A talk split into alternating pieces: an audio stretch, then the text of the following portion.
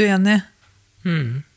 Vi pleier å spørre lytterne våre om eh, de kan sende inn eh, tips eller eh, temaer til episoder vi kan lage. Ja, og det får vi mange av. Vi gjør det, og vi setter så utrolig stor pris på det. Men eh, denne episoden som kommer nå, da kjenner vi at vi er litt ute på dypt vann.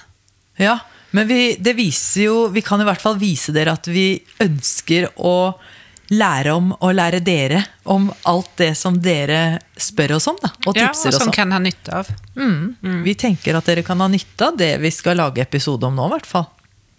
Og det er rett og slett gravidyoga. Du lytter nå til Jordmorpodden, en podcast om alt mellom himmel og helvete. Her skal du få klar tale, kjerringråd, vi skal ha fagdiskusjoner, og vi skal dele erfaringer og opplevelser. Da har vi fått de gästerna vi ska ha på Facetime denne den här tiden. Och eh, det är ju Trine och Hilde heter de. Men Trine var den som tog kontakt med meg. Kanskje du skal begynne å presentere deg litt, Trine? Ja, det kan jeg gjøre. Hei, Hei. jeg heter Trine. Ehm, både jeg og Hilde bor i Trondheim. Og jeg tok jo kontakt med dere fordi at ehm, jeg fant eh, jordmorpodden eh, eh, fordi at eh, jeg er jo gravid nå. Og så hadde jeg lyst til å høre noe podkast som eh, hadde med svangerskap og fødsel og litt sånt å gjøre. Og i den podkasten så ba jo dere om tips. Ja, Hva kan vi lage episoder om? så bra og du så det. har det seg jo sånn at jeg også underviser yoga, og nylig har tatt en gravid-yoga-utdanning. Og underviser gravid-yoga. Og så tenkte jeg at det her er jo noe som jeg skikkelig brenner for, og som jeg ønsker at alle gravide skal få de skal få vite hvor bra det er, da, hvor mye man kan få ut av det. Ja, Eh, og da tenkte jeg at eh, det hadde vært helt super om dere kunne laga en episode om det. Så da tok jeg kontakt med dere på Instagram, og det var litt sånn eh, kult for min del. For da hørte jeg på podden samtidig som jeg sendte melding på Instagram, og så fikk jeg svar fra dere med en gang. Og da kjente jeg at jeg ble litt sånn starstruck. Bare sånn, wow, nå får jeg svar fra dem jeg hører på, faktisk. Eh, så det var jo litt artig, da. Vi må bare si at det er ikke alltid vi svarer like fort som vi gjorde til deg der, Trine. Men vi Men prøver. det gikk veldig raskt. Ja, men vi svarer. Ja. Ja. Eh, Så det var jo bakgrunnen for at jeg tok kontakt med dere. Og så, du ville jo bare, du etterlyste jo egentlig bare en episode om temaet. Men vi spurte om du rett og slett kunne bidra til denne episoden. Ja. Og så heldige vi var. Jo da, jeg kjente jo at det ble litt eh, Kanskje jeg tok, litt, eh, tok meg litt vann over hodet, da. For at det her er jo en, eh, en yogaform som det er noen som har jobba mye med, eh, og som kan mye, mye mer enn jeg gjør. Så jeg følte at jeg er jo helt, helt eh, nybegynner på akkurat det. Så derfor så har jeg med meg Hilde, som er den rutinerte av oss to. For å få litt ryggdekning når det er ting jeg ikke klarer å svare på, eller ting jeg lurer på. Ja. sånn. Så bra. Hvem er du da, Hilde? Jeg heter Hilde da, og er tobarnsmor. Har to gutter på fire og fem. Eh, Og er yoganerd. eh, Yoganerd. Og ernæringsfysiolog og mentaltrener. Ja, jøye meg. Eh, Ja, det ble litt av alt, da. Sånn kronglete vei. Eh, Så jeg jobber på House of Fem sammen med Trine.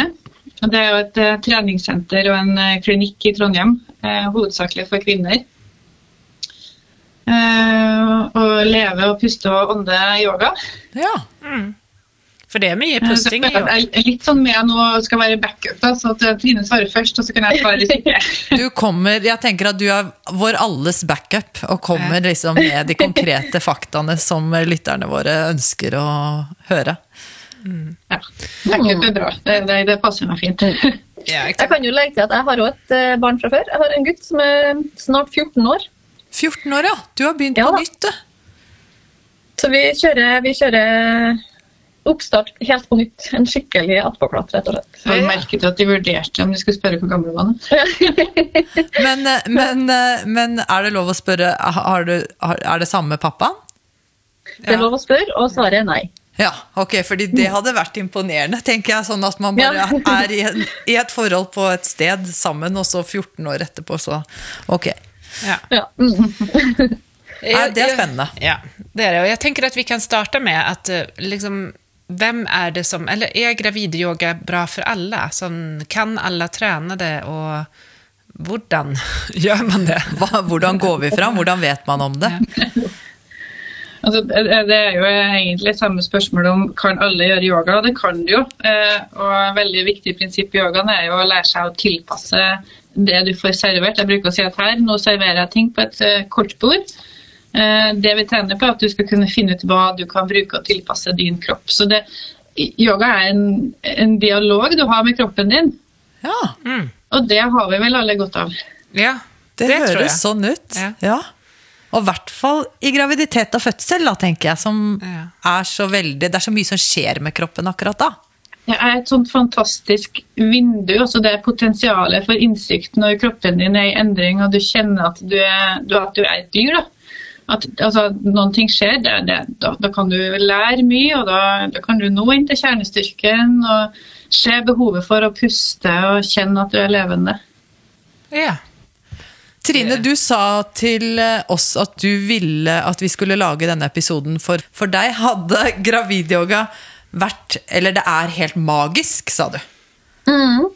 På hvilken måte? Fortell. Eh, ja, Det kjente jeg egentlig på med en gang jeg begynte eh, den utdanninga med gravidyogaen. Fordi at eh, for meg, da, så, så um, har yoga handla veldig mye om å klare å finne roen. eh, finne noe jording, noen ting som trekker meg ned fra det som skjer oppi her hele tida. For det er så mye tanker, og det er så mye kjør, og det er så mye, det er så mye som foregår. Jeg trenger at det er noen ting som klarer å stilne det som skjer på innsida. Eh, og så, når jeg begynte med denne gravidyogaen, og da var jeg jo ikke gravid ennå, Nei. Eh, det var jo før jeg var gravid, eh, Hvorfor begynte med det, så du med det da? opplevde jeg den som Altså, den er ekstremt eh, myk, eh, organisk, feminin. Det er liksom bevegelser som gjør at du Det som Hilde sier, som, som er nær naturen, som du, altså, du kommer i kontakt med den her liksom urkvinna i deg, da. Eh, og, og lære deg på en måte å bruke det du allerede har i deg, til å finne ro, til å finne styrke, til å um, bli kjent med deg sjøl på en annen måte og stole på deg sjøl. Stole på at kroppen din og det som du har i deg, er nok. da. Så jeg tror det var det som gjorde at jeg syntes det var så magisk. Det var bare den her hele følelsen med eh, Ja, det er masse liksom bevegelser som er eh, Det er mye sirkulære bevegelser, det er hofte um, Hva heter det? Hoftesving? Hoftesnurr? Hoftesirkler. Hoftesirkler. Det er sirkler med nakken, sirkler med armene, sirkler med Altså, det her er jo bevegelser som er gode for sirkulasjon i utgangspunktet òg. Sånn rent fysisk så er det jo bra for å holde hele systemet i gang, men det er òg noe med den her liksom, livets syklus og det her med å komme i kontakt med den delen av deg sjøl som man kanskje ikke gjør ellers. da, For vi lever jo i et samfunn der det er høyt tempo, og det er ganske mye maskulin energi rundt omkring. Absolutt. Og det syns jeg er så deilig med denne gravidyogaen, at det er, det er liksom så feminint. Og, og når jeg sier mykt, så mener jeg ikke jeg mykt som i her skal vi sitte i spagaten, men det er mykt som i liksom det, er mjukt, det er soft. Og det er, engelsk. og det er liksom det er så mye omsorg i det. da. For Ja, ja. deg selv og kroppen din, da. Ja. Og Ja, ja, helsa di. Ja. Efter å ha hørt det der, så kjenner jeg kanskje jo, Jannicke, at vi skal begynne med litt yoga. ja, ikke gravidyoga, Nei, ikke gravid, det skal vi men- ikke gå. Men eh, det finnes jo andre typer yoga. Vi, eh, jeg har nesten aldri vært på yoga. To ganger, tror jeg. Jeg har vært eh, på sånn eh, hot bikram-yoga Ja. Noen ganger. Det er Ja. veldig slitsomt. Jeg er ikke så god på å trene til vanlig. Men det funker. Men, jeg, men, jeg, men jeg, det er jo virkelig sånn Det tenker jeg, det er så bra egentid, da, for å bruke det ordet. Altså, du, ja, du, du gir deg selv noe bra. Ja, absolutt. Mm. og det ser jeg jo til dem som kommer til timene mine. Og hver gang de har vært i en klasse, så, så er jeg litt sånn Takk for at dere kom, men takk deg sjøl òg for at du tok denne tida til å ta vare på deg sjøl og for å gi deg det som du nå har fått, og de, de redskapene eller de verktøyene du får, da, som du kan ta med deg videre og bruke i hverdagen når du går herifra òg. Ja. For det er jeg jo litt opptatt av at det her eh, Jeg skjønner at alle får ikke til å gå hjem og gjøre yoga sjøl, men de får verktøy, enkle ting da, som de kan bruke hvis de trenger det eh, når de drar herifra òg. Hvis jeg får en gravid inn tidlig i svangerskapet, da. På kontroll. Og så skal jeg fremme gravidyoga. Hva, hva gjør jeg, hva sier jeg, hvor skal de gå, hvorfor skal de gjøre det? Og jeg tenker også, når kan man begynne? Kan man begynne med det? Kan man begynne med gravidyoga eh, når man vil? Eh, Du trenger, ja, du trenger ikke å ha noe annet, altså noe forkunnskaper om yoga. Nei. Vi snakka om det her i stad, faktisk. At det, mm, jeg syns at dem som kommer på gravidyoga, der er det nesten like fint om du ikke har noe kunnskap om yoga fra før, for da er du så åpen. Ja. Du har ikke noen tanker egentlig om hva yoga er for noen ting. Nei. Men hvis du er en veldig erfaren yogini og har gjort yoga i mange år, så er du litt mer låst fast på hva er den praksisen. Mm. Eh, Så prøver jeg å si at når du kommer på gravidyoga, så må du være åpen for at, for at gravidyoga kanskje litt, ser litt annerledes ut og føles litt annerledes enn det den vanlige praksisen din gjør. Men det handler jo om at når du er gravid, så skjer det kjempestore forandringer i kroppen, i følelseslivet ditt. Altså, Du må tilpasse hjemmet ditt, du må tilpasse klærne dine, du må tilpasse bilen din til og med. Så at yogapraksisen nå forandrer seg, er jo egentlig naturlig. Eh, Så bare vær åpen for at det kan skje. Og det er man jo åpen for hvis man aldri har prøvd yoga før, for da har man jo ikke noe annet utgangspunkt. Nei. Mens de som på en måte kan det her i hermetegn, da, de, de uh, syns kanskje ikke at det er sånn rent fysisk er utfordrende nok, eller at de eh, eh, ja, at de tenker at det ikke er nok, da. Ja. At det ikke er nok trening, eller Ja. altså, Ja. fysisk. Ja. Kanskje, Det ja. Vi snakka litt om det. Altså, det kan det jo være, men det er jo veldig ofte at du har flest nybegynnere i en gravid yogaklasse. Og da tar man jo hensyn til det. Ja, så Men går det, du ut fra jeg sa deres nivå. til Trine også at eh, bare glede deg noe som du kan yoga fra før av. For det, det kunne jeg også med mine to. Jeg kunne mer, altså jeg tok utdanning i gravid- og barselyoga midt imellom mine to, som da er fire og fem. Ja. Eh, Så jeg fikk ett svangerskap uten spesialisering og ett med. Kjempestor forskjell. Og det å kunne øvelsene og da gå inn og bruke det arsenalet av teknikker du har, da. Og, og, og faktisk både som en avansert yoga og som en begynner, så, så er det litt sånn- igjen tilbake til yogaen generelt. Eh, når jeg begynte å jobbe på klinikken her, så, så tenkte jeg ok, hva, hva skal vi egentlig bruke her yogainstruktører til? Her har vi fysioterapeuter, her har vi osteopater, altså vi har lege, vi har alt. Mm. Men noe av det fantastiske med yogaen er at du har så enormt mange forskjellige øvelser. Mm. Eh, mange, altså, inntrykket mitt er mange flere varianter. sånn at det er litt sånn, Si et fint problem, kom med en utfordring. altså kan jeg på en måte, Det, det finnes så mye du kan gjøre for å ta vare på kroppen din. Men jeg, liker som sagt, jeg liker litt å ha det problemet først. da. Mm. Ikke misjonere. Alle bør gjøre yoga. Men, men når de kommer inn i en time hos dere, da. Hva, hva gjør de konkret? Når, hva sier dere? Velkommen, og nå skal vi begynne å puste. Ikke sant? Der er jeg.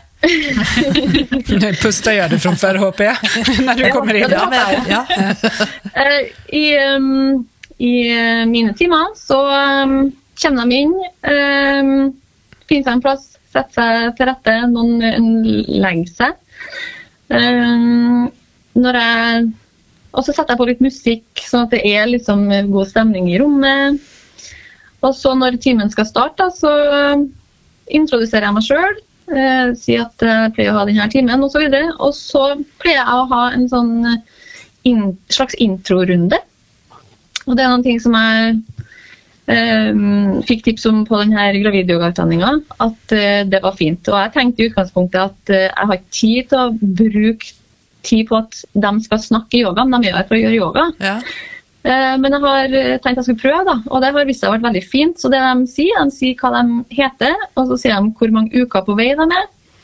Og så har vi et eh, tema som de kan si noen ting om. F.eks. si en ting som har vært fint med å være gravid. Si en ting du gleder deg til med å være ferdig. Si en, ting, en tanke du har om fødsel. Ja, ulike sånne ting. Og, da, og så sier jeg også at hvis du ikke ønsker å delta på denne snakkerunden, så sender du bare ordet videre, så det er helt valgfritt å være med. ja. Um, men det har vært kjempefint. Både, spesielt for dem som kommer og er gravid, som kanskje ikke har noe annet gravide i omgangskretsen sin. Veldig bra, da. Og så åpner man liksom opp og sier at um, og, det kan være, og de sier jo helt sånne enkle ting sånn jeg, Det har vært fint å være gravid for at mannen min har gjort mer husarbeid, f.eks. Ja. Um, og noen sier at det er ingenting som er fint å være gravid, det her er nummer tre, jeg gleder meg bare til å bli ferdig. Ja. Uh, og det- er jo liksom helt greit, det òg. Men det har vært en veldig sånn fin uh, introduksjon, da. Og så gjør det at man blir kjent og skaper et slags fellesskap. Ja, for jeg Og tenker det at syns jeg er litt fint, da. Ja, og folk i en vanlig yogaklasse Vanlig, nå syns dere sikkert jeg er rare. Men, eh, men de har jo yogaen til felles, at de er der for å utøve yoga. Mens disse har jo både yoga og graviditet, så de har jo veldig mye til felles. Og er spente på den lille inn i magen. Og hvordan kan de fullføre graviditet og fødsel med, Ja, med hjelp av yoga? Det er også et rom for å snakke om eh, bekkenbunn, eh, bryster som gjør vondt. eh, eller Jeg skjønner ikke hvorfor ingen sa til meg at bekkenbunnen kunne gro fint sammen etterpå. Ikke å tenke at ok, nå ofrer jeg den på første svangerskap. Så du har jo et, et rom for å sette ord på en del ting og kanskje gi noen tips på at, eh, som vi om, en nedpress hvis det gjør vondt. Eh, Da kan du gjøre bekkenknip, snu kroppen litt opp ned. Det er nokså logisk teknikk på altså, litt sånn bruksanvisning hvordan forholde oss nå til denne gravidkroppen. Og det er da jeg sier det her, alle øvelsene vi har, da. At da strekker armene over hodet. Ja, det er trygt å strekke i brystvevet, selv om det gjør vondt. Det er litt sånne ting. Ja. Mm. Utrolig nyttig, da. Ja. Men du sa at du hadde Nå hopper jeg sikkert litt her. At du kunne barselyoga også. Hva, Ja. Det må jo være minst like nyttig, tenker jeg.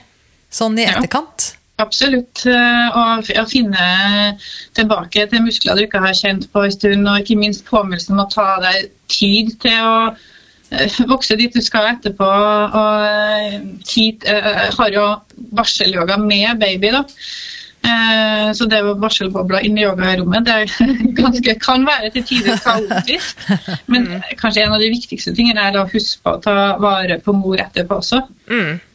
Eh, Jeg har jo mange PT-timer for jo mange mødre sånn tre år etter eh, fullstendig utslitt. Mm. Ja. Og hvis de da så jeg tenker at det er Selvomsorgen, og den er en viktig del i yogaen. Det er også å lære bort selvomsorg, og da kanskje praktiske metoder for hvordan du viser omsorg til deg selv. Ja, så at hvis, hvis du da hadde fått de litt før, tre år etter, så tenker du at da kunne de liksom unngått å komme dit de er slitne etter tre år? Forhåpentligvis kan vi hjelpe noen til det, ja. Ja. Så att det er jo både eh, yoga i forebyggende syfte och eh, man kan kanskje bruke den også i fødsel. Altså, tenker tänker jag. absolut. Ja. Fortell om det. ja, er det stillinger og pust og Hva er det man kan bruke i födsel?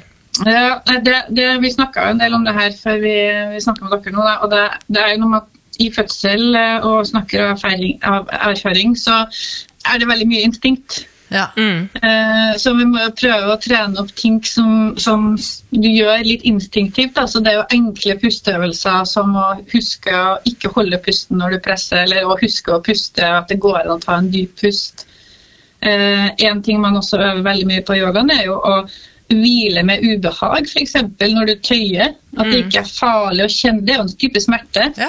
Ja, Eh, det är kan du slappe av mens du tøyer, så er det mye mer nyttig. Og så kan du slappe av når du har en rie. Det, det er jo veldig overførbart. Absolutt. Ja. Det var litt sånn aha for meg nå. Ja. Det er veldig fin øvelse. jeg snakka med Hilde om det i stad, at eh, i mine timer så jobber vi jo veldig mye med visualisering eh, sammen med pust. da.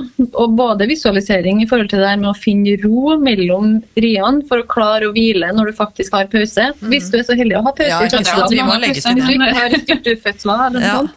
Men at man på en måte bruker, dem, bruker den tida man kan eh, til det. Hva skal de visualisere? Ja. Hva skal de visualisere? Oi. Nei, altså det kan jo være så enkelt som at du, at du um, jobber med å finne din happy place, for, å, finne, nei, for, å, for å kalle det det. da. Hvor, hvor kan du finne ro? Ja. Hvor kan du slappe av hen? Og hva må du på en måte se for deg for å komme til den plassen? Ja, Eh, for, Men så er det som Hilde sier, at da må vi starte med det såpass tidlig at det er på en måte inkorporert i, i ryggraden Ja. når du ligger der Ja, og det- har det vanskelig. Det tror jeg er viktig, det der med automatikk, at det kommer av seg selv Eh, vi har jo noen jordmødre som jobber med engstelige damer, altså fødselsangst og sånn, og de sier at eh, de tror veldig på gravidyoga i forhold til det. Fordi at mm. att eh, man har noe som er automatisert, altså det å finne sin happy place og eh, visualisera det mellom riene, men også i riene klare å puste. Og, og, og det dere sier nå, at man er i veldig god kontakt med kroppen sin, at det er et instinkt å føde, og det hører vi veldig på også, at uh, man må kunne følge kroppen og stole på at den faktisk gjør det den skal, og at det ikke er farlig med litt vondt. Eller mye vondt. Ja, litt vondt eller mye vondt. Ja, Og den der med Happy Place, det, må vi jo Det er jo faktisk, eh, det var Illustrert vitenskap som hadde en artikkel for ikke, eller jeg vet ikke når, eh, noen år siden, hvor det stod at de fleste som begynte på yoga og begynte å tøye, opplevde det som en ganske heftig smerte. Ja. Det å strekke en muskel, det, det ble hjernen fortolka det som veldig smertefullt. Helt til vi lærte at ja, men det er jo ikke noe farlig, så, så får den smerten en litt annen smak. Mm. Så smerte er ikke bare smerte, vi har ganske sånn, en sånn stor fargepalett. og Det bruker jeg å si i yoga noen ganger, at vi starter med å fortolke ting som svart-hvitt. Det er vondt eller ikke vondt. Ja. Muskelen er på eller den er av. Du er avslappa eller ikke avslappa. Men her har vi jo hele regnbuens fargespekter av følelser. Mm. Bra Og bilde. det, det finner du når du begynner å lytte innover. Så blir det ganske fantastisk da, å finne at alt det der har du allerede i deg. Mm. Ja, for vi pusher jo veldig på den derre Ok, du kjenner smerte, men det er ikke farlig, det er noe positivt. Så du og da tenker jeg at hvis jeg hadde da øvd med å tøye mye, sånn underveis, så, så hadde jo det hjulpet. Fordi at da hadde jeg lært at smerte er ikke farlig. Noen ganger, da. Ja, men også sånn Jeg Tenk på massasje, eller jeg bruker tyggepunkt ganske mye i yogatimene, også, hvor du bruker ball og masserer deg selv litt. Det er grisevondt. Men ja. der er det sånn, da øver du å ikke ha den automatiske reaksjonen med å spenne imot. Og så tenker jeg at det her det er en smerte som gjør meg godt. Og Og så det, det å spenne imot er jo også altså i fødsel, hvis man spenner seg, hvis man står på tå, hvis man eh, liksom går opp i bro eller litt mer sånn, det er jo ikke noe god for framgang eller fødsel. da. At man heller skal klare å være grounded. Og det er også slitsomt. Det er jo veldig energikrevende. Hvis man skal drive og kjempe imot noe som eh, skjer fysiologisk. Men dette med å finne happy place, det er ikke noe man kan gjøre i fødsel. Så dette må man øve på tidlig. Absolutt. Ja. Og jo før, eh, jo bedre, tenker jeg. Og satt sammen med ulike pusteøvelser, så gjør det jo at man påvirker nervesystemet, sånn at man klarer på en måte å finne den roen når man har bruk for det. Men det som du sier, det krever, det krever øvelse. Det er en viktig del i yogaen, det å ha, klare å øve seg på de her kjappe endringene da, med på og av. Du trener på det om og om og om igjen. Eh, og jeg sovna jo mellom riene enda, det var veldig fort. Ja. Det er sånn, nå er det vondt, nå er det ikke vondt, nå er det vondt, nå er det ikke vondt. Mm. Det å, det å kunne da ikke bli igjen i å tenke at altså gå til neste øyeblikk eller bli igjen i fortida. Vi snakker om mindfulness som må være til stede her og nå. Mm. Ja, og det er også veldig viktig, for eh, det når man har hatt en ri, så kan man ikke begynne å uroe seg for neste ri når den er slutt. Og så pleier jeg å liksom, Apropos visualisering, skal jeg si, så, så er jo altså både i forhold til det med å finne happy place, og i forhold til det med å faktisk visualisere i forkant at den babyen skal ut. Eh, at du må liksom jobbe deg gjennom ei og ei rie, da, og den samme ria kommer jo aldri tilbake. Nei. Så hvis du tenker at ok, nå skal jeg møte den her, og så møter du den, og den topper seg som altså at Der er eh, Havet kan jo være en visualisering Ja, på det. at det det kommer i bølger bølge Ja, mot deg. Eh, Og at den bølga på en måte har en topp, og at når den bølga, som da er ria, er over, så blir havet rolig før den neste kommer, på en måte. Mm. Og så at man er, hver, hver ri så er man en ri nærmere målet. Absolutt. Du har surfa mange bølger når du føder. ja. Men hva med, Men det hva, som du sier der òg, da, at, at um, sånne korte, enkle setninger som du kan si til deg sjøl, for hver ri så er jeg et skritt nærmere fødselen. mm, Uh, og det her med liksom affirmasjoner, det er jo noen ting som vi også tar med inn i, i yogautdanninga, og inn, nei, inn i yogatimene og inn i denne gravidyogaen. Uh, for eksempel, jeg er skapt for å føde det her barnet. Mm. Jeg puster meg gjennom uh, vanskelige forandringer og følelser. Uh, og det er jo sånne affirmasjoner som eh, altså Det finnes jo masse forskjellige som passer gjennom hele svangerskapet. Eh, og hvis man sier det mange nok ganger til seg sjøl Jeg er født, eller jeg er skapt for å føde det her barnet. Sammen skal jeg og barnet mitt komme oss gjennom det her. Snart skal vi møtes. Det er masse sånne enkle setninger som hvis man gjentar for seg sjøl igjen og igjen gjennom hele svangerskapet Det hjelper ikke å begynne å si det dagen før fødsel, selvfølgelig. Men hvis det her er tanker som er på en måte inkorporert i, i ryggraden, da, i tankegangen din, så kan du ta det fram og bruke det når du trenger det. Ja, Da tror du på det når du Ja. sier det i fødsel, fordi du har sagt det så mange ganger at du faktisk har begynt å tro på det.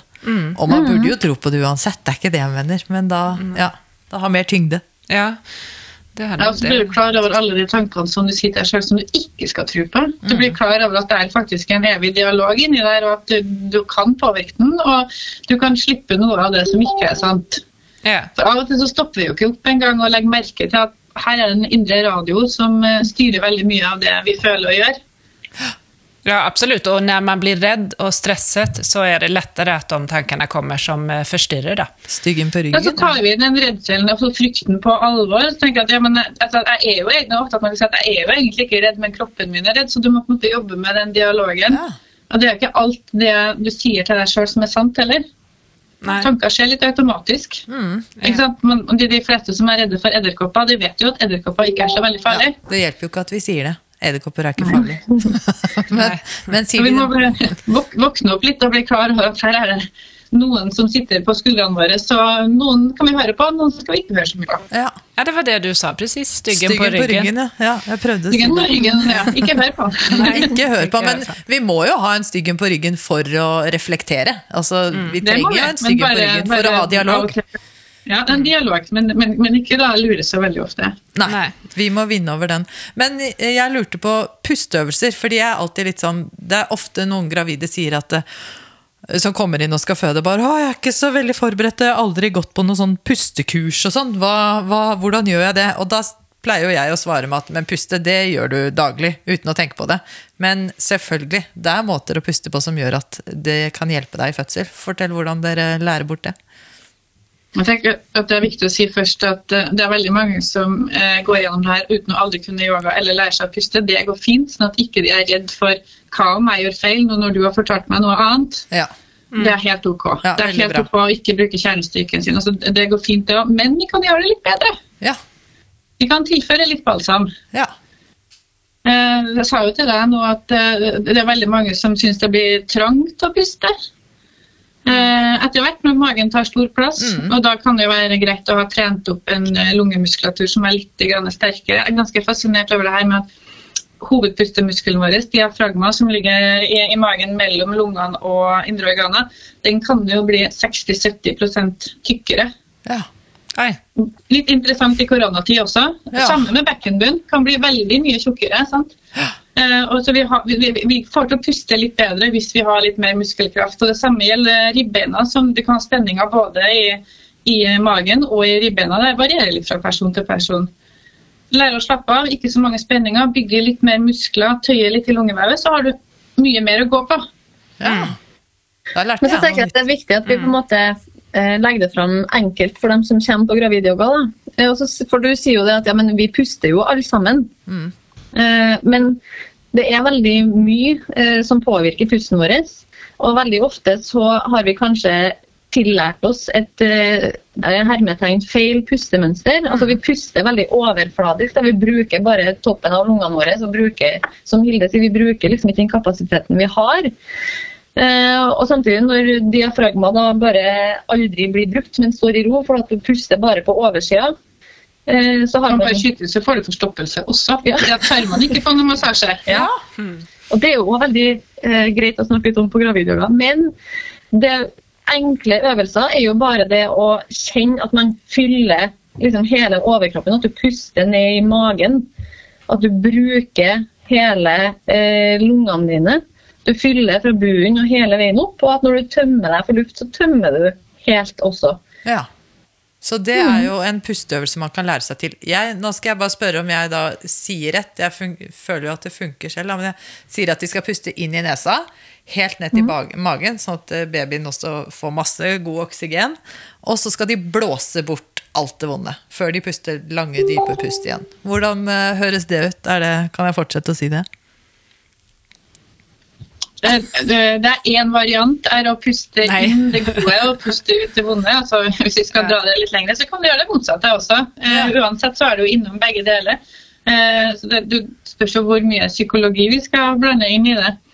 Eh, men tenk at du skal, bare, du skal lage en større pust. Og pusten er også bindeledd mellom nervesystemet og eh, psyken, altså kropp og syke. Så når du puster rolig, så stimulerer du nervesystemet ditt til å hvile.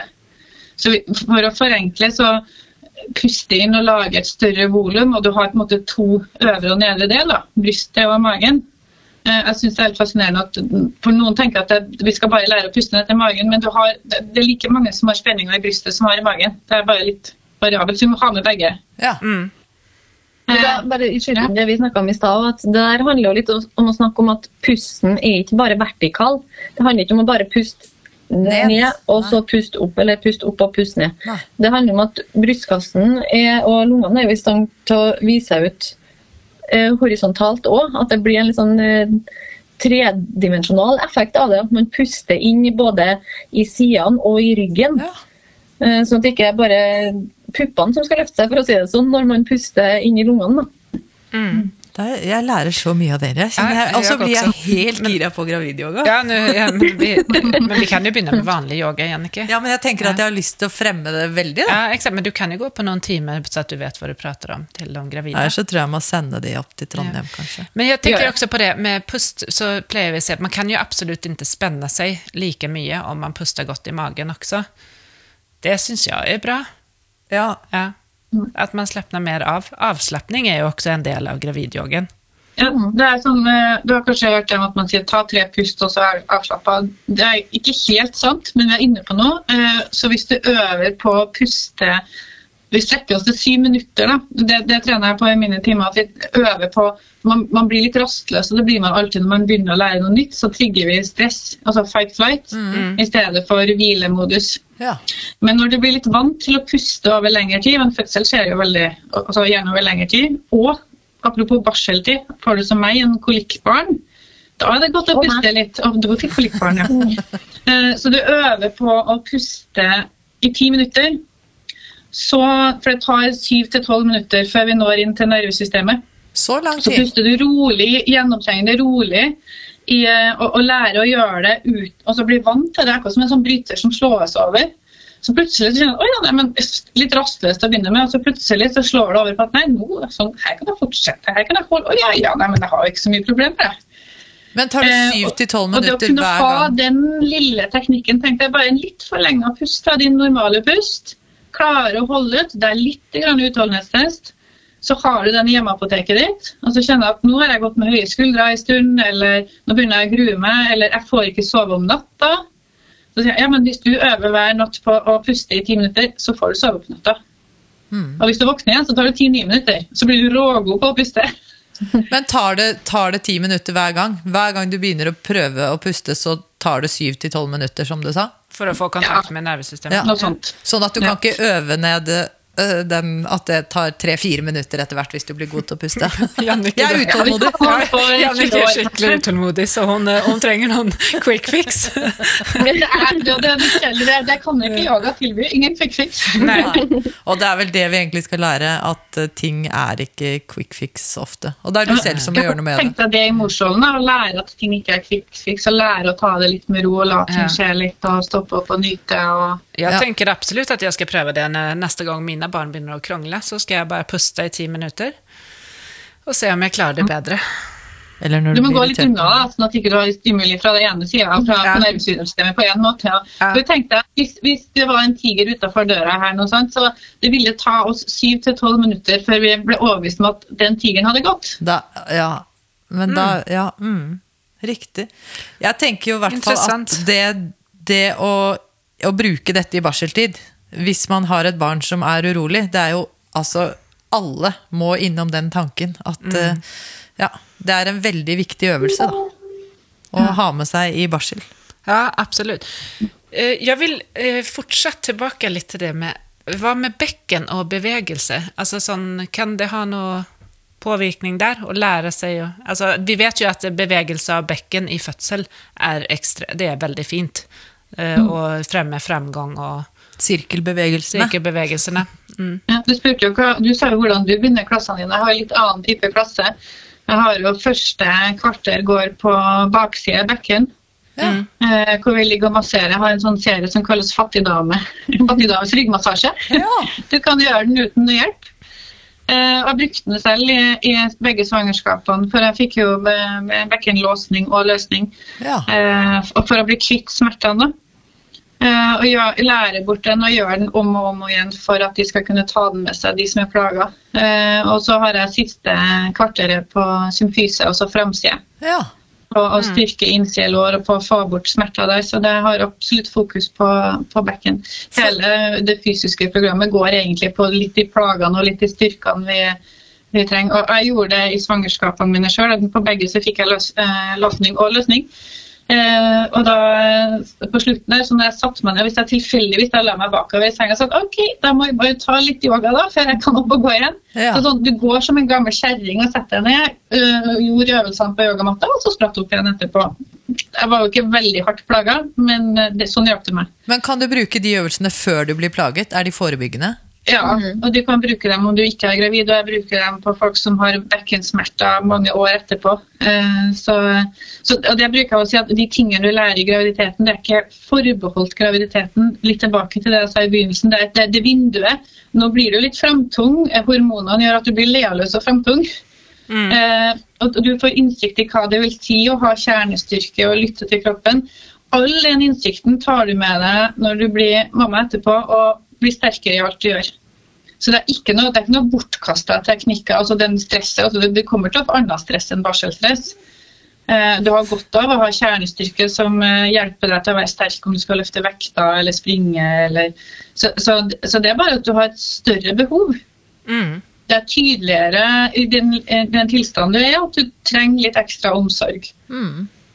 Så fortsetter du forhåpentligvis å ta det med deg. Og så, så, Vi bygger jo også på det i barselyogaen. sant? Vi jobber mye med å finne kjernestyrke, altså de magemusklene som ligger bak livmora.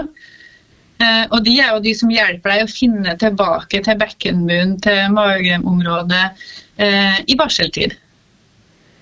Så du plukker på en måte opp eh, altså legger grunnlaget i graviditeten, som gjør at du da finner lettere tilbake når du kommer på matta igjen etterpå. Mm. Og også som Hilde er inne på her nå i forhold til bekkenbunn, så er jo det jo noen ting som vi er opptatt av å trene gjennom svangerskapet. Mm. Og da er vi opptatt av å eh, altså Det er jo viktig å ha en sterk bekkenbunn, men det er òg viktig å kunne gjøre bekkenbunnen myk. Mm. Så vi øver, vi trener like mye på å stramme den som å åpne den. Sånn at vi, når utdrivelsesfasen i fødsel kommer, da, så kan man bidra med å åpne bekkenbunnen. Altså, Wow. det er jo tusen så bra. For at iblant ibland jeg å tenke sånn at uh, man, når det kommer damer som man eh, tenker har en veldig sterk eh, altså, mm. det er litt vanskelig å si at hun tror jeg har det, men altså, man ser at de er godt trent, og at de eh, tränar kanske mer eh, varierat. Då. Eh, och då kan det ibland, liksom vi följer inte att den bekkenbunden ger noen vika, för att, och det är säkert för att man inte lar den göra det. Mm. Så det, du må være like god til å slå av som å slå på. ja, på Altså, vi trenger begge sider. Altså, vi trenger også, og vi trenger å kunne stresse og vi trenger å kunne avstresse. ja. Jeg blir veldig nysgjerrig på hvordan du øver på å mykgjøre bekkenbunnen. Ja. Eh, Det handler om at i bekkenbunnsøvelsene, som jeg gjør, i hvert fall i timene mine, da, for vanligvis er vi jo vant til å knipe, sant? det er det som er fokuset. Eh, Knip og slipp, knip og slipp.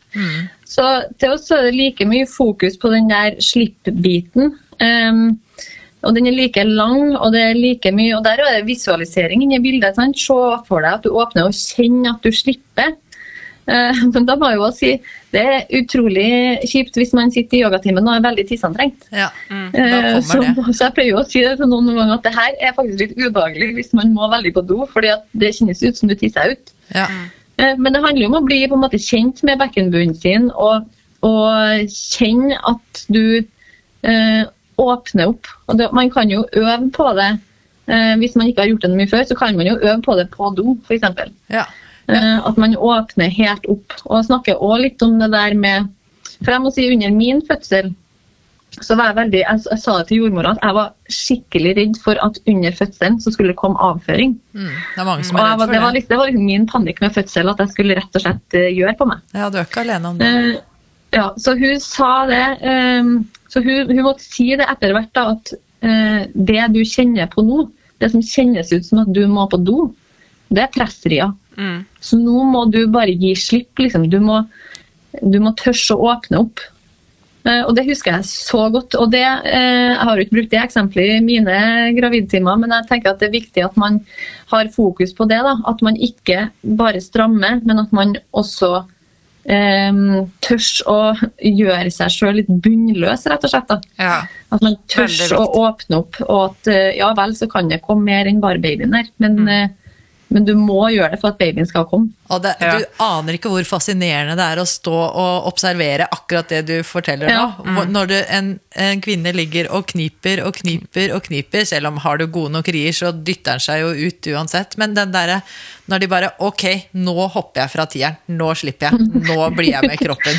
Og det er helt fascinerende. Og ja, da det det. går det så fint. Da går det så fint. Og det, jeg bruker å si at man må bare la, la, let it go, helt enkelt. Allting. Og ofte så den avføringen som eventuelt er der, som man driver og holder på, den kommer ändå når babyen kommer. Og så skal jeg skyte inn da at når den kommer, så er jo folk Det er jo selvfølgelig det er jo helt unaturlig å ligge der og skulle bæsje på seg, men den gjemmer vi. Partner ser det ikke opp ved hodet. Det er ingen som legger merke til det. Det er bare inni hodet til den som ligger og føder, at det mm. er et problem. Så det er veldig fint å høre dere si det også. At uh, det må ni ikke tenke på der ute. Nei. Men jeg tenker at når du sier at man skal slippe opp, da, at man tenker at Jeg pleier å si at tenk at babyen får lov å komme nedover. Er det noe, er jeg inne på noe der, liksom? Er det det vi gjør da? Slipper opp bekkenbunn? Ja, ja. Jeg, jeg, tenker det. Og der har vi jo en sånn um, På den gravid yoga-utdanninga som jeg tok, så er det en fin uh, pusteøvelse som heter fødselspust. Som vi jo øver på gjennom hele svangerskapet. Da, at man um, puster inn Eh, og tenk, altså visualisere at når man puster inn, så, så, så er det en um, pust som er assosiert med følelsen opp. Så du puster inn og opp, og så når du puster ut, så åpner du opp og gjør rom for at babyen skal klare å komme seg ut. Ja. Så den pusten handler jo hele tida om den visualiseringa med inn og opp, mm. ut og ned. Og det at for hver, altså, jo mer du tør å åpne, eh, jo raskere kan babyen komme ut i verden. Jeg kjente at det var veldig lett med inn og opp og mm. ned og ut. Det var mm. ut, det, ja. det, skal vi ta med oss. Synd at jeg ikke hadde den før. ja. Mm. Men vi, altså vi, lærer jo helt enormt mye av dette, og vi kunne jo fortsatt i evig tid. Men jeg tenker at vi, skal vi ta litt om fødselsstilling? Ja, en av fødselsstillinger. Det er spennende. Øver dere på det i timene? Ja, vi, vi gjør for så vidt det. det vi, vi, sitter jo på huk og ligger på huk og, og, og sier litt om altså, Det var ingen som sa til meg hvilken stilling eh, bekkenet ditt var mest, mest, åpen, og det er jo greit å kunne vite på fødsel nummer én. Så sa de å ja, du kan ta knærne dit. Ja, hvorfor sa du ikke det før? Mm. Det, det, altså, det, er veldig lite informasjon som kommer ut, så det, det er jo mm. fantastisk at du deler sånn som det å bæsje på seg, så blir det plutselig helt greit. Ja.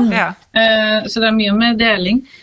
Eh, så vi, vi, jobber jo med fleksibilitet i det området også, og tørre å være komfortabel der, ha lårmuskulatur til å holde beina der. Lår trenes jo mye, stort sett. Mm -hmm. ja, og i teamet mine så jobber vi mye på alle fire. Mm.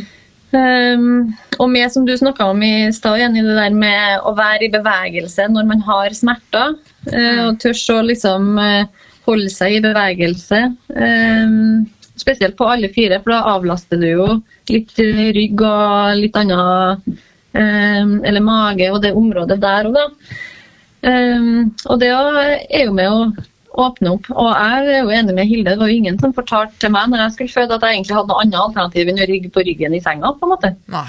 Nei. Skjerpings. Ja, ja. Det, det, er et call-out til alle jordmødre der ute. At det her vet vi. Da vi må være flinkere til å uh, informere. Ja, men jeg, når jeg holder fødselsforberedende kurs, så er det på en måte Det er så viktig å ikke ha en plan for fødsel, men at man skal vite om de forskjellige stillingene man kan føde i. da, Og vite at de eier sin egen fødsel og bestemmer faktisk selv hvordan de vil være, med mindre det er noe medisinsk som tilsier at de skal være annerledes. da. Men, og det er jo veldig fint å kunne gå på yoga og øve på å styrke de forskjellige stillingene. Ja, absolutt. Hvilke stillinger er det du ikke gjør? Ja, det, sånn at Du får jo kjent på veldig mange posisjoner. så får du kjent, å, herre var godt, liksom. Oi, så når jeg står på alle fire og logrer med halen, det var godt til ryggen min. Sånn at når du er i fødsel og da instinktivt reagerer, så husker du hva var, altså, nå, nå, nå stikker det litt. Ja, men dere var godt, så går du inn i den øvelsen. sant, At du har prøvd å stå på alle fire, du har prøvd å vært på sida, du har gjort sånn. Så det, det er jo et, et veldig sånn at du må kjenne på smaken av hvordan kroppen er i de ulike stillingene på forhånd. da. Ja, og hva, hva man individuelt liker best, eller Ja, seg, sig, fäller sig bäst. Ja, og så er det jo ikke alltid at man eh, ender opp i den fødestillingen man har sett for seg hele tiden at man kommer til å føde i. Det er ikke Nei. alltid man liker det man tror man kommer til å synes er best. Nei. Nei, Det er jo, tenker jeg, litt sånn viktig det du sier, for at nå er, det har jo vært mye fokus en stund på det der med å skrive en fødselsplan og liksom forberede seg til fødsel og alt det der. Og det har jeg snakka om i mine timer, at det finnes ikke én riktig måte å føde på. nej. Eh, og, og man må være åpen for at den planen, de tankene du har gjort deg rundt din fødsel, det kan bli helt annerledes. Mm. Og at man ikke går i kjelleren for at det skjer. Men at man på en måte er litt dynamisk i, jeg skulle si dynamisk i oppdragsløsninga. Ja. eh, gjennom hele prosessen. Da. Nøkkel det, til det å lærer lykkes i jo sånn fødsel. på, som yoga er en grunnleggende element. Det å lytte til kroppen din. og så Når du får servert jeg sa det jo i starten, når du får servert en yogaklasse med ulike øvelser, så betyr ikke det at alle skal gjøre det samme eller bøye knærne like mye eller ta i like mye. Du skal lytte, og, og den dialogen har du også i fødselen. Du lytter til hva kroppen din sier. Det er jo helt fenomenalt eh, hvordan kroppen forteller deg hva du skal gjøre. Da ble jeg helt sjokkert over hva kroppen min kunne. Eh, og det å da vite at ja, men jeg kan jo lytte til den. Det stemmer, du skal lytte til deg, ikke styggen på ryggen. Nei, eksakt, og stole på det. Altså, absolutt. Ja, stole på det at nå snakker kroppen min til meg, og så har jeg det arsenalet her og øvelser, og så er jeg trygg for det rommet her. Det har jeg vært i før. Det å, altså, det å på en måte ikke være så opptatt av hva som er rundt der, men å ha oppmerksomhet innover og kjenne, altså bruke følelsessansen sin, den sansen har jeg brukt før. Mm. Og det, det, det gjør vi vi er bare oppi hodet, ikke sant? Ja, Så vi må komme oss ut til lemmene, til kroppen, til magen, til bekkenbunnen. Mm. Ha en dialog, ha kontakt. Sånn at når den snakker til oss, så hører vi. Mm. Det, det, Der. Amen. jeg, vil, jeg vil bare legge til at det er riktig det med den fødselsplanen og sånn, at man ikke må ha det. Men vi tenker vi heier jo litt på et sånt brev til jordmor, fordi at man da må i hodet gjennomgå, eller tenke over hva man skal igjennom. Men jeg tenker når man går på gravidyoga, så skriver du det brevet til jordmor hele graviditeten, egentlig. Ja, Ja, og jeg, jeg, jeg sier ikke at man ikke skal lage en fødselsplan. Nei. Jeg sier bare at man må være åpen for at den kanskje ikke kommer til å bli gjennomført. Vi Ja. må ikke kalle det en plan, og Nei. der tenker jeg, der har du nøkkelen, egentlig. Så det er veldig bra det du sier. Jeg, ser, jeg, merker at jeg sitter her og kniper og puster og åpner opp och eh, puster godt i magen hele tiden. Det her blir en bra dag, Jannike, tror jeg. Ja, jeg Ja, tror vi skikkelig god start. Ja, skikkelig bra. Kanskje vi ska altså. ta noe sånn eh, jag vet inte, vi, vi snakket om hva vi egentlig kunde, men en sån solhilsen kanskje vi kan gjennomføre. Ja, vi får prøve. Mm. Det er ikke sikkert vi klarer det. Da får vi ringe dere opp igjen. Men det hadde jo vært så utrolig kult om vi kunne komme til Trondheim og spille inn en gravidyogasession. gravidyoga-session. Ja, Ja. Kanskje. ja, Men dere er hjertelig velkommen. Men corona, eh, vi, vi får vente. men det, Ja, vi skal men ha det i tankene. seg, de gir seg jo ikke så fort. De brenner jo for det. Og det er fantastisk å ha sånne ildsjeler for det. Ja. Absolutt. Jeg skal fremme, i hvert fall. Heia gravidyoga. Ja. Det er bra. Kjempefint. Tusen takk for at dere ble med, at dere lærte oss så mye. Ja, absolutt. Det er ikke noe som dere sitter og føler at ni brenner inne med nå. Det var et ledende spørsmål, Jenny. Mm. Er det noe dere sitter og brenner inne med nå? Ja. Ja, jeg tenkte faktisk på en ting. ja. Um, og, men nå har jeg vært usikker på om jeg har fått sagt det før, eller om det var bare noen ting som Hilde og jeg snakka om før vi uh, ble oppringt. Um, men det er det her med i um, gravidyogaen, så syns jeg det er så fint å bruke litt tid på å uh, skape en kontakt til babyen. Den må jeg Ja, fortelle om. Den er veldig fin. Det var hos det. Ja. Bra. Eh, fordi at ehm, mange går jo på en måte rundt og tenker at jeg har jo det her vesenet inni magen min, og det vokser, og det er både til glede og ikke. Mm. Eh, og eh, Men jeg tenker at hvis man er liksom forberedt da, og har tenkt tanken før fødselen kommer at jeg er allerede mamma til barnet her. Det her er mitt barn. altså Det her er ting, det her er noen som jeg allerede kjenner. Og der på den eh, gravidyogautdanninga som jeg har tatt til um, yogamamma, så har hun en kjempefin pusteøvelse som jeg har eh, Og jeg kjente, som sagt, jeg var jo ikke gravid når jeg tok denne yogautdanninga, eh, men jeg kjente at den øvelsen traff meg da, til og med når jeg ikke hadde baby i magen. Mm. og det er egentlig en ganske enkel øvelse der man legger ei hånd på sitt eget hjerte, og så legger man ei hånd der man antar at hjertet til babyen er. Eller babyene, hvis man har flere, da. Og så puster man mellom de her to hjertene og sender liksom kjærlighet og sender energi opp og ned mellom hjertene i kroppen din. Og samtidig som du er i denne bevisstheten, da, eh, sender eh, kjærlighet opp og ned, så kan du òg eh, snakke med babyen din. Og der er det mange som har en sånn sperre, kanskje. Så den første gangen vi gjorde det i en gravidyogatime, så styrte jeg på en måte ordet. Og så sier jeg, så puster vi opp i vårt eget hjerte, og så når du puster ned nå, så sender du masse kjærlighet ned til babyen din, og så sier du hei, jeg er mammaen din. Nå skal vi møtes, liksom. Etter hvert så skal du komme ut i verden. Og så kan man liksom etter hvert si vi gleder oss så mye til å se deg, og du er allerede høyt elska, og du er så ønska, og du er Altså Det der må man jo tilpasse etter hva, hva man sjøl føler, da. Men det er jo en, en, igjen en visualisering som bare gjør at man man har en helt annen connection når babyen da mm. kommer til verden. Mm. Men, men tør, det jeg tenkte på nå, var liksom tør folk å stå og si der 'Hei, jeg er mammaen din'? Eh, for jeg opplever de gangene jeg har vært på yoga, at jeg liksom syns det har vært litt pinlig å stå der og puste sammen med alle andre. Er det dere, noe som dere opplever at at det kan være et problem, eller liksom en sperring, da. Ja, og det er jo kleint ja, det, å snakke med ja. babyen sin fra før av. Altså ja. Bare når de er kommet ut og de ligger på stellebordet, og du skal si 'hei, lille jenta mi', eller altså Det høres jo helt kleint ut. Og hvis du da skal begynne når de ikke er der engang, det må jo bli veldig vanskelig. Ja, og det er jo derfor jeg, jeg sier at jeg styrer ordet først, på en måte. At jeg gir dem uh, forslag til hva de kan si senere.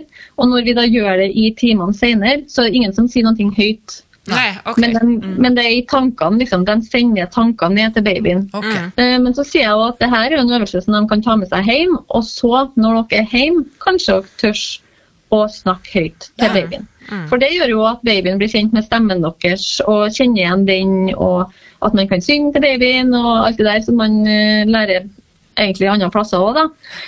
Eh, så ja, det er helt klart en sperre der. Men jeg tenker enn hvor mye lettere det er å si hei til babyen når den ligger på stillebordet, da, mm. hvis du allerede har snakka med den i et halvår. liksom. Ja, Absolutt et godt tilknytningsverktøy, det vil jeg si. altså. Skikkelig bra tips. Jeg, jeg vet ikke om jeg syns det er så rart å si hei til babyen når den ligger på stellebordet. Men jeg er jo litt annerledes der. Ja. Men uh, det er å lage et rom hvor noen ting får vi til, og noen ting får vi til første gangen vi gjør det. Noen ting må vi gjøre mange ganger, og noen ting syns du er helt rart. Sånn, mm. sånn, det, er jo, det, er jo, litt det rommet vi lager rundt hele yogaen også. Sant? Så det kan være at det er noen som er gravid og syns det er skummelt, eller det ikke var planlagt. eller ikke liksom, kan si at Det er òg helt ok. Ja. Uh, du kan tenke på det, eller du kan si uh, hei, eh, der var du. Det var rart. Ja. Eller du kan eh, altså, Men det å være raushet mot mange måter å gjøre det på. Ja, vi skal mm. romme alle. Og alt er lov. Ja, og, alt er lov. Det er lov å være redd, og det er lov å være modig. og det er, altså, det er lov, det, Alt er lov. Ja. Men det som er veldig fint med den øvelsen, sånn som jeg opplevde i hvert fall når jeg kjørte den første gangen i min klasse, var at uh, altså, folk ser så berørt ut. Altså, De får tårer i øynene, ja. de smiler. Og det er helt åpenbart at det der var helt nytt for mange. Ja. Eh, og noen er jo i uke 12, sant? og noen er jo i uke 32. Mm. Eh, 36, kanskje. sant? Um, men at det er en, eh, en, visualisering som virkelig treffer, da. Ja. Mm. og som jeg tror er, er veldig viktig. Mm. Men jo lenger ut, eh, jo nærmere fødsel, jo lettere må det jo være, fordi jo lenger unna, jo fjernere er det jo. Altså ja, jo tidligere. Absolutt. Ja. Exakt, men om man øver på det då i et halvår, så er det kjempebra. Ja. Men jeg tenker keywordet til oss Vi kan starte med Hei, der er bekkenbunnen min, ja, hallo, vi har ikke snakket sammen før! Ja. så skal vi begynne med ulike deler av kroppen. Sant? For det, altså, det, jeg har lært opp et uh, annet yogakurs at det, du må huske på å minne folk at det er ikke sikkert de har tenkt over at de har lunger. Nei. Så, så, vi kan begynne, Det er jo dialogen, det også, så vi kan begynne med noe litt annerledes. Så. Ja, og spesielt etter fødsel kan man jo begynne å snakke med bekkenbunnen sin, i hvert fall. Ja, eller i, da, som de, som ja, de lærer i, oss her. Å snakke med bekkenbunnen hele mitt liv, tror jeg. Men, men jeg tenker også at keywordet er at eh, tørre. For jeg hör att ni sier 'tørs', og det sier jeg på svensk også. Så det var ju, men det å tørre å ha sin, e- bestemme over sin egen fødsel for det er også, så- det, vi opplever iblant at kvinner kommer inn i rummet og de kanskje har noen ønsker, men så tør de ikke å si det til oss. For at de bare OK, det er så her vi, det skal være nå. Ja. På en måte at man ikke liksom tør å stå i rummet og si 'hei, babyen min' sammen med masse andre, eller ikke tør å si at 'jeg vil at min fødsel' ja, Eller 'det her vil jeg bruke for å gjøre min fødsel best Ja. mulig'. Og så er de usikre. De vet ikke hva de kan spørre om, de vet ikke hva de skal spørre om. Altså, alt er så nytt og skummelt. Men å bli kjent med kroppen sin, da, og ha, finne den styrken man har inni seg, det må jo være Ja, og der også tror jeg det er viktig at man i forkant, da, for å, for å um, avlaste denne kvinna som skal føde, at hun har en god kommunikasjon med sin partner som skal være med på denne fødselen, og at hvis hun ikke tør å si til jordmora hva hun vil, så kan partner si det for henne. på en måte. Ja. At hun har noen der som snakker sin sak ja, en advokat. Mm. Det er bra. Da fikk vi med partner også. Ja, Og det, kunne vi jo sagt mye om, men Ja, eh, exakt. det må vi ta i neste episode. Ja. vi kunne snakket så lenge, vi. Det hadde vært kjempegøy, altså. Men eh, vi må avslutte. Ja. For ellers så eh, orker ikke folk å Ellers så skrur de av uansett. Ja. Vi lager en episode til. Men eh, det som jeg har lyst til å spørre dere da, er har dere hørt noe om eh, produktene til Bibi Hugme? ja, Ja? det har vi. Er det noe man kan bruke i yoga? Ja, absolutt. Har de den med Du får seg i jo med deg yogatimen? å bruke akkurat den. den med tipper feil. Men den han Ja, det er den her lange pølsa, ikke sant? ja. Ja. Ja, vi bruker jo de her bolsterne som er sånne runde indiske sofaputer. og Det er bare en fordel om den er litt lengre, så du kan fint bruke den i gravidyogaen og bli venner med den. eh, Og lære hvordan du skal ligge på, på sida med den mellom beina, anklene og knærne. og Hvile er jo veldig viktig gjennom svangerskapet, og der kommer jo Bibi Hugme inn som en kjempe eh, prop. skal Du si. Du kan jo bruke den til masse ulike stillinger. Ja. Det var en fin reklame. Jeg skulle ønske at de hadde med seg den, for jeg, jeg driver og maser på mine barselkvinner. For de ammer jo i timen, yogatimen, men da sitter de med høye skuldre og stresser og skal skynde seg. Sant? Så da kunne de hatt en sånn en. så- For jeg prøver liksom ja, men du er på yoga ennå. Du ammer som om du er på yoga. Ja, må- Lave skuldre, puste. Det har ikke ingen stress. Men det er en fin å ha. ja. Det var fin. Det var fin reklame, som du sa, for Bibi Hugme. Absolutt. Ja, så nå gjorde det. For Vi Hugme den selger vi jo også her på House of Fun, Ja. der vi eh, underviser. Mm. Ja.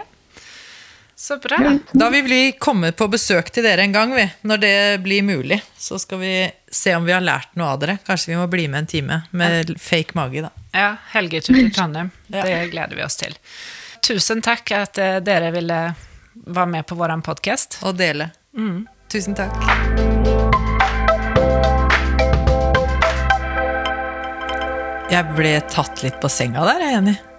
Ja, jeg vet. Den episoden om gravidyoga nå, den eh, to, gjorde meg stum. Første del av eh, episoden. Jeg tenkte bare at jeg har tatt feil, og jeg kan ikke skjønne at man egentlig ikke har tenkt på det før. At det så klart at det kan være bra.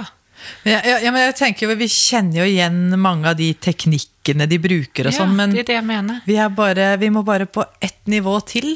Jeg lærte så mye. Ja, og veldig, vi er veldig på å lytte til kroppen og gå inn i bobla og uh, puste godt og Så det er liksom ja, For meg var det bare så rart at jeg hadde vært så dum og ikke se at det parallellene er veldig mange. Shout-out Ja. til uh, gravidyoga, egentlig. Alle har godt av yoga. Alle har godt av å puste, finne litt ro. Og øve til fødsel og til eh, å håndtere graviditet, rett og slett. Og ikke minst varseltid etterpå. Eller tid etter alt som møter deg senere Ja. i livet. Ja, Hvor du trenger å puste og finne ro. Ja, så mm, det mener vi. Så nå skal vi ta en liten pusteøvelse. Ja, du får lære altså jeg må Ja, jeg kjenner at det er i hvert fall de ti minuttene som eh, Hilde sa, da. Ja. Men jeg tenker at hvis dere sitter igjen med spørsmål uh, etter denne episoden, så send oss et eh, hint eller et spørsmål eller en melding på Jannike og Jenny at jordmorpodden.no. Mm. Eller på Eller- Instagram. Og dere som bor i Trondheim, ta et besøk på House of Fem. Ja, det tror jeg er skikkelig Det gleder jeg meg til at vi skal. Nei, skal vi spise litt, Jenny? Ja, takk for oss. Ha det.